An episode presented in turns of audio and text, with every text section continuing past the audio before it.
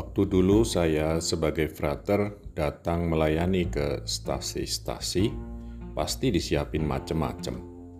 Selain litur liturgi yang tentu pasti harus disiapin, juga makanan atau hal-hal lain yang dianggap pantas dan bisa nyenengin saya. Apalagi kalau yang datang adalah romo atau malah uskup. Bisa dibayangin kalau presiden yang datang pasti bukan umat doang yang rempong ya.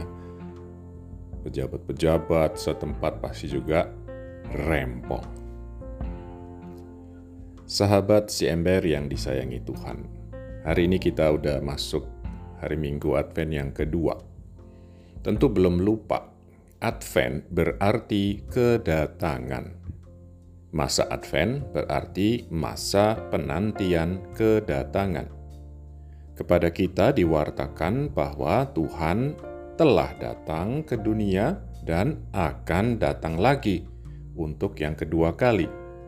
Nah, kalau yang datang manusia aja kita udah rela ngelakuin macam-macam persiapan, kalau yang bakal datang itu Tuhan sendiri, mestinya kita juga mau dong ngelakuin macam-macam hal untuk bisa siap nyambut Tuhan, untuk bisa nyenengin hati Tuhan waktu Dia datang. Bacaan-bacaan hari ini ngingetin kita tentang hal itu dan ngebantu kita untuk tahu apa yang perlu kita lakuin. Teman sahabat Yesus yang terberkati. Dalam Injil Yohanes Pembaptis menyerukan, "Bertobatlah dan berilah dirimu dibaptis, maka Allah akan mengampuni dosamu." Seruan itu dikaitkan dengan seruan Nabi Yesaya dalam Perjanjian Lama. Siapkanlah jalan bagi Tuhan, luruskanlah jalan baginya Seruan-seruan itu berujung pada janji semua orang akan melihat keselamatan yang dari Tuhan. Jadi, udah cukup jelas apa yang mesti kita lakuin untuk nyiapin diri menyambut kedatangan Tuhan, bertobat, dan memberi diri dibaptis. Saya percaya dua-duanya udah kita lakuin tapi saya yakin perjuangan kita belum selesai. Memberi diri dibaptis bukan akhir segalanya. Justru itu menjadi awal baru perjuangan kita untuk hidup seturut kehendak Tuhan. Pertobatan harus kita usahain terus-menerus setiap langkah dalam hidup kita. Bertobat bukan sekadar sadar dan mengakui, tapi memulai kebiasaan yang baru. Bertobat bukan semata nggak ngelakuin yang jahat atau salah, melainkan menggantinya dengan melakukan perbuatan-perbuatan kasih kepada sesama. Pertobatan juga bukan sekedar baik-baik sama Tuhan, tapi juga berarti memperbaiki relasi kita dengan sesama. Teman-teman kekasih Allah, bacaan pertama dan kedua ngebantu kita mengarahkan pertobatan kita. Kita diarahkan untuk menanggalkan pakaian kesedihan dan semakin berlimpah dalam kasih. Kiranya kedua hal itu punya kesamaan dan saling berkaitan Menanggalkan pakaian kesedihan, menurut saya, berarti juga mengenakan pakaian kegembiraan atau sukacita.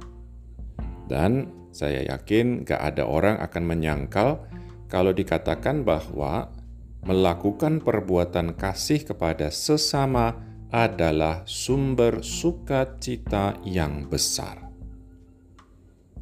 Melimpah dalam kasih berarti kita nggak cuma mengalami kasih itu, tapi juga membagikannya kepada sesama.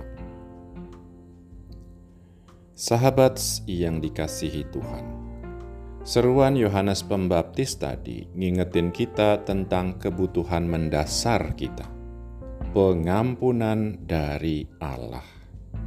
Yuk, kita saling ngebantu ngedapetin pemenuhan kebutuhan itu.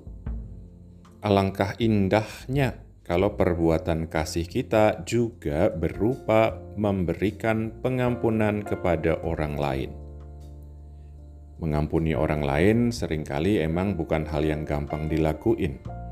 Tapi ketahuilah besarnya rahmat yang menjadi ganjarannya. Mengampuni orang lain menjadi awal penyembuhan luka dan sakit hati kita. Mengampuni orang lain mengurangi banyak beban di hati kita. Mengampuni dan menerima orang lain apa adanya juga ngebantu orang lain mengalami pengampunan dan penerimaan yang nyata oleh Allah sendiri. Tapi lebih dari semuanya, mengampuni orang lain membuat hati kita pantas dan siap menerima pengampunan dari Allah sendiri. Sis and bros, murid-murid Kristus yang berbahagia. Yuk, siapin jalan buat Tuhan, lurusin jalan baginya. Ada sekian banyak perbuatan kasih yang bisa kita lakuin sebagai wujud pertobatan kita. Silakan dipilih sendiri sesuai sikon.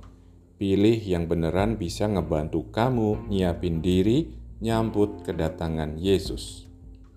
Kalau sekiranya masih bingung, ada pilihan yang udah jelas banget dan berguna banget. Yuk, belajar mengampuni.